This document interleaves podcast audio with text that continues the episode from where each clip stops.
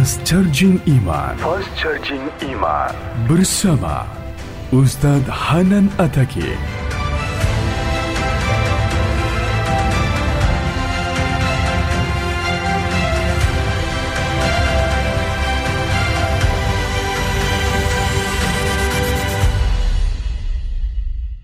Gimana caranya biar kalau kita menyebut nama Allah, kalau kita sholat, kalau kita berzikir itu jadi lebih tenang gitu, lebih happy. Karena sebetulnya orang mukmin itu bahagianya itu ada di dalam hati. Kalau bahasa Ibnu Taimiyah, surgaku itu di sini. Surga orang mukmin itu di di hati. Surga kita itu bukan rumah, surga kita itu bukan mobil, surga kita itu bukan pekerjaan, surga kita itu bukan tempat jalan-jalan, tapi semua itu kebaikan, kesenangan. Cuman surga kita ada di sini. Dan ini kita bawa ke mana-mana. Jadi nggak susah menemukan surga teh. Aduh, bete nih kenapa nggak bisa jalan? Bete nih kenapa nggak bisa nonton? Bete nih kenapa nggak bisa apa nyaman di rumah? Bete nih kenapa gampang bete karena surga kita bertempat di sesuatu tempat yang sulit untuk kita jangkau. Harusnya itu jadi hiburan buat kita, bukan surga. Sedangkan surga memang adanya di hati. Ada masalah? Allah lebih kuasa, makhluk tidak kuasa. Ada masalah kita bilang Allah maha besar, masalah saya kecil dibandingkan Allah. Kalau dibandingkan kita mungkin kita lebih kecil daripada masalah, tapi dibandingkan Allah kita Allah lebih besar. Allahu Akbar. Kita belajar Allah yang maha memelihara. Kita kan dipelihara Allah, terus ngapain kita khawatir? Kalau gitu nggak usah ikhtiar, usah ikhtiar. Tapi jangan libatkan hati. Ikhtiar itu pakai tangan, pakai kaki, pakai tenaga fisik. Hati nggak perlu berikhtiar. Hati itu bertawakal. Fisik kita berikhtiar, hati kita bertawakal. Jangan sampai hati kita ikut ikhtiar, nih bahaya nih. Kalau hati kita ikut ikhtiar, berarti kita lebih percaya kepada makhluk daripada Allah. Nanti akan mentok, kalau udah mentok putus asa, itu penyebabnya. Gara-gara hatinya baper dengan ikhtiar. Ketika jalan-jalan ikhtiar itu tertutup, hati kita jadi give up. Ah, nyerah aja deh.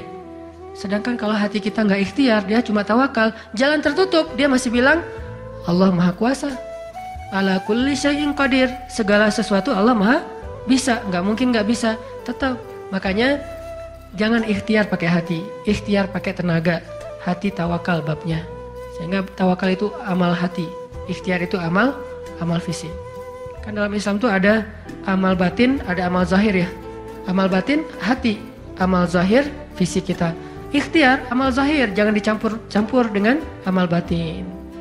Coba teman-teman buka deh surat Hud surat 11. Kalau ragu tentang rezeki baca nih ayat nih. Surat 11 surat Hud ayat 6. Wa ma min fil ardi illa 'ala Allahi rizquha mustaqarraha wa mustawda'aha kullun fi kitabim mubin Tidak ada satu hewan melata pun di muka bumi kecuali Allah menjamin rezekinya. Ini amalan hati nih. Ini ayat untuk menguatkan hati kita, bukan menguatkan fisik. Tapi biasanya hati kalau udah kuat, fisik ke bawah. Kan kata Nabi kalau hatinya baik, yang lain ikut baik. Kalau hatinya buruk, yang lain ikut buruk. Jadi kalau hatinya udah give up, pasti fisiknya jadi lemah. Kalau hatinya uh, tough dan masih punya belief ke Allah, masih punya harapan, maka fisiknya juga akan kuat. Ma min dabbatin fil ardi illa 'ala Allahi mustaqarraha wa mustawda'aha. Allah tahu di mana rezeki kita disimpan. Allah tahu ke mana kita uh, akan membelanjakan rezeki itu. Semuanya tertulis di dalam kitab yang jelas. Allah yang tahu. Allah yang menjamin. Nggak ada yang nggak dijamin rezekinya. Makanya saya pernah cerita tuh dulu. Sempat mau belanja dulu. Belanja di apa supermarketnya di bawah, lantai bawah. Dari lobby kita mau ke bawah itu cari eskalator kan ya. Belok kanan, cari eskalator. Ternyata salah ngambil jalan. Kita habis belok kanan langsung belok kiri. Harusnya kalau belok kanan lagi sekali lagi langsung eskalator turun tuh. Pas karena kita belok kiri, akhirnya kita muter. Gara-gara muter, ngelewatlah sebuah stand baju kaos yang lagi diskon. Wih, diskon 50%. Akhirnya saya sama istri masuk. Ternyata lucu-lucu juga buat anak gitu. Alhamdulillah akhirnya kita beli dua helai. Baru setelah itu kita jalan lagi cuma beberapa meter masuk eskalator turun. Siapa yang telah menggerakkan kaki saya sampai salah jalan? Sehingga saya harus muter dan akhirnya masuk ke stand itu. Allahu riz alallahi rizquha. Allah yang menjamin rezeki. Kayak gitu cara Allah menskenariokan. Kalau saya ngambil jalan kanan, mungkin saya nggak akan masuk ke toko itu. Berhubung saya ngambil jalan kiri, akhirnya muter, masuklah ke toko itu. Allah punya banyak cara. Kenapa kita khawatir dengan stand orang lain yang mungkin lebih dekat ke pintu, lebih dekat kepada stage yang di tengah kalau bikin event segala macam? Kenapa? Kita udah ikhtiar dapatnya cuma ini. Kayak lagi ada event kayak apa festival gitu, kayak ada bazar, kita punya banyak stand. Stand kuliner kita paling pojok, dekat toilet. Stand kuliner teman-teman kita tuh paling depan. Dan di situ stage banyak acara tausiah segala macam. Oh, kayaknya di situ lebih laku. Belum tentu juga. Bisa jadi pada waktu itu banyak orang yang sakit perut atau apa akhirnya ya lewat. Aduh ini kayak seru juga nih di sini nih makan di sini. Nggak usah jauh-jauh sambil nunggu makan. Allah yang punya cara. Saya kan pernah cerita kesasar sampai ke Cirebon. Kenapa kesasar ada suatu hari minggu kayak lagu. Satu hari minggu. Ada satu hari minggu nih bingung kita pengen keluar sama keluarga sama anak-anak. Eh kita keluar yuk. Saya bilang ke anak-anak hayu kata anak-anak. Ke mana? E, ke kota baru aja. Di situ kan ada jam matahari tuh kita lihat jam matahari, hayu naik mobil masuk tol nih. Pas sudah masuk tol uh, Pasteur, berubah pikiran. Ah, terlalu dekat nggak berasa liburan ya? Ya, terus mau ke mana? Ke Jakarta aja yuk, ke apa? Ke Ancol. Ada pantainya. Oh, ayo, ayo, ayo ke Dufan. Jalan. Akhirnya nggak jadi belok pada larang, lurus. Niatnya ke Ancol. Sebelum Cikampek, berubah lagi pikiran. Ah, Ancol mah pantainya gitu-gitu aja ya, udah pernah ya. Terus gimana dong? Cari pantai baru deh yang di daerah Indramayu, Cirebon gitu, siapa tahu ada yang lebih bagus yang masih virgin. Boleh, keluarlah Cikampek. Waktu itu belum ada tol apa Cipali ya, keluar Cikampek, akhirnya nyisir Subang, Indramayu, nggak dapat pantai yang kita nyaman nih. Berhenti sebentar, oh nggak nyaman ini banyak apa sampah, akhirnya jalan lagi sampai dari pagi keluar asar makan empal gentong di Cirebon. Siapa yang mendatangkan saya ke warung empal gentong itu? Pas kita masuk, orangnya bahagia banget gitu. Kelihatan kalau dari pagi itu belum ada belum ada yang datang, belum ada pelanggan, sepi warungnya. Karena tempat parkirnya agak nyaman, langsung parkir di situ, makan empal gentong dan ternyata enak kita bungkus. Orangnya tuh alhamdulillah alhamdulillah nih datang apa dari pagi belum ada yang datang. Senang gitu. Dan saya bilang, "Pak, tahu nggak saya dari mana?" "Dari mana?"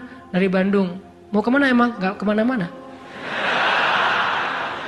Muter jadi kita cuman dari Bandung cuma pengen makan empal gentong di Cirebon ujung-ujungnya. Pulang sampai ke Bandung jam 10 malam macet lagi tuh di Sumedang karena ada perbaikan jalan. Cuman pengen makan empal gentong, ngasih rezeki ke orang di Cirebon, kayak gitu banget tuh caranya tuh coba lihat cara Allah. Oh yakin nih sama Allah Allah bisa banget ngedatangin Kalau ini terjadi kepada orang lain Berarti kalau saya cari rezeki bisa juga caranya kayak gitu Allah kan punya banyak cara Cuman kadang-kadang atau seringnya kita nggak tahu cara itu, tahu hasilnya doang nih. Tiba-tiba dapat. Sesederhana itu kita berpikir, akhirnya sesederhana itulah syukur kita ke Allah. Kalau kita tahu gimana rumitnya rezeki itu datang ke kita, kita akan syukurnya lebih pasti tuh. Masya Allah ya, Allah nggak datangin rezeki ke saya tuh gitu-gitu amat, sampai ada orang yang kesasar sekeluarga, bingung gitu. Tapi kan dia, kalau saya nggak cerita dia nggak akan tahu, dia pikir cuma orang yang memang tinggal di Cirebon atau emang lagi jalan lewat kebetulan mampir. Artinya karena dia nggak tahu prosesnya, Rasa syukurnya juga sederhana. Sama kayak kita nggak mensyukuri masakan istri kita kalau yang udah punya. Istri itu masak tuh rempong loh dari pagi, wah renteng renteng renteng sampai apa ganti lagi. Kita nggak tahu ya, mungkin istri kita baru belajar masak, gagal dua kali loh. Itu yang ketiga tuh, nggak enak pula. Udah gagal dua kali. Dan kita pikir ah cuma masak sayur gini doang mah, sayur bening mah gampang. Kita kan nggak tahu prosesnya, sehingga apresiasi kita juga Ya segitu-gitu aja. Kalau kita tahu prosesnya, walaupun cuma sayur bening sama telur ceplok, kita akan peluk istri kita, mah makasih banyak ya, mama udah berkorban banget buat papa. Mah hari ini ini makanan terenak sepanjang hidup papa loh, mah. Kenapa ngomong gitu? Karena tahu prosesnya. Gitu juga kita ke Allah. Karena kita nggak tahu proses rezeki itu Allah setting sampai datang ke kantong kita. Kita kayak, ya alhamdulillah gitu doang. Tapi kalau kita tahu, masya Allah ya Allah, alhamdulillah atas semua nikmat yang kau berikan, puji-puji Allah. Artinya teman-teman kalau galau tentang rizki dari Allah, tentang pekerjaan, tentang kuliah segala macam termasuk tentang jodoh, coba baca ayat 6. Semua Allah yang jamin. Ini bab hati ya, lagi-lagi bab hati. Ikhtiar mah jalan aja terus, tapi hati Allah rizquha, Allah yang menjamin. Itu baru jadi tenang nih mengingat Allah tetap happy gimana-gimana juga. Dan ini ditaradud, diulang-ulang. Coba diulang-ulang nih ayat nih. Jadikan salah satu ayat favorit. Kalau kita lagi galau langsung baca ayat ini berulang-ulang sendiri kalau bisa. Baca dulu terjemahannya, hafal. Kalau udah hafal terjemahannya tinggal baca ayatnya berulang-ulang. Sebelum tidur mungkin kalau yang paling tenang kalau khawatir nggak bangun tahajud ya udah sebelum tidur baca ma min dabbatin fil ardi illa 'ala Allahi rizquha diulang itu beda banget loh rasanya belajar untuk mentafakuri kebesaran Allah sehingga kalau kita nanti ada masalah mengingat Allah lebih mantap. Jadi dua ya, satu teman, kedua sering-sering tafakur. Wa yatafakkaruna fi khalqis samawati wal. Tafakur. Dan sebetulnya teman-teman ya, kalau kita mau lebih persis nih, sholat duha itu ya, emang sholat tafakur sebetulnya. Dulu para sahabat atau para ambia sholat duha itu di tempat terbuka. Alam terbuka, jadi benar-benar untuk tafakur alam. Sholat duha itu fungsinya untuk itu sebetulnya. Walaupun boleh banget dilakuin di dalam ruangan, di masjid, di rumah, di kantor. Boleh banget di kampus. Tapi kalau kita ada kesempatan sesekali, coba deh. Sengaja ngapain touring ke atas misalnya, ke Lembang, pengen duha. Dan duduk sendiri, jangan berjamaah bukan gak boleh, boleh aja sholat sunnah berjamaah. Cuman kali ini kita pengen menyendiri aja berdoa sama Allah. Duduk ngomong sama Allah, ya Allah, jangankan jangan biarkan saya berputus harapan kepada Engkau. Jangan biarkan saya berputus asa dari rahmatmu. Bimbing hati saya ya Allah, tolong saya dalam masalah ini. Engkau maha kuasa. Siapa lagi yang bisa nolong saya selain engkau? Ngomong kayak gitu sama Allah. Yang romantis, yang akrab gitu. Jangan sampai kita ngomong ke Allah tuh kayak orang gak kenal cuman copy paste Robbana atina fid dunya hasanah fil akhirati hasanah wa qina azabannar. Amin. Dah kayak nggak kenal gitu. Ngomong sama Allah itu akrab. Ngomong ya Allah gimana nih? Saya ada masalah kayak gini kayak gini. Curhat sama Allah. Itu beda loh. Kalau itu kita coba praktekin saya yakin. Asal sesuai dengan cara-cara tadi tuh sendiri alam terbuka curhat sama Allah ingat kebesaran-kebesaran Allah insya Allah bizikrillahi tatmainnul qulub. Tenang banget tuh hati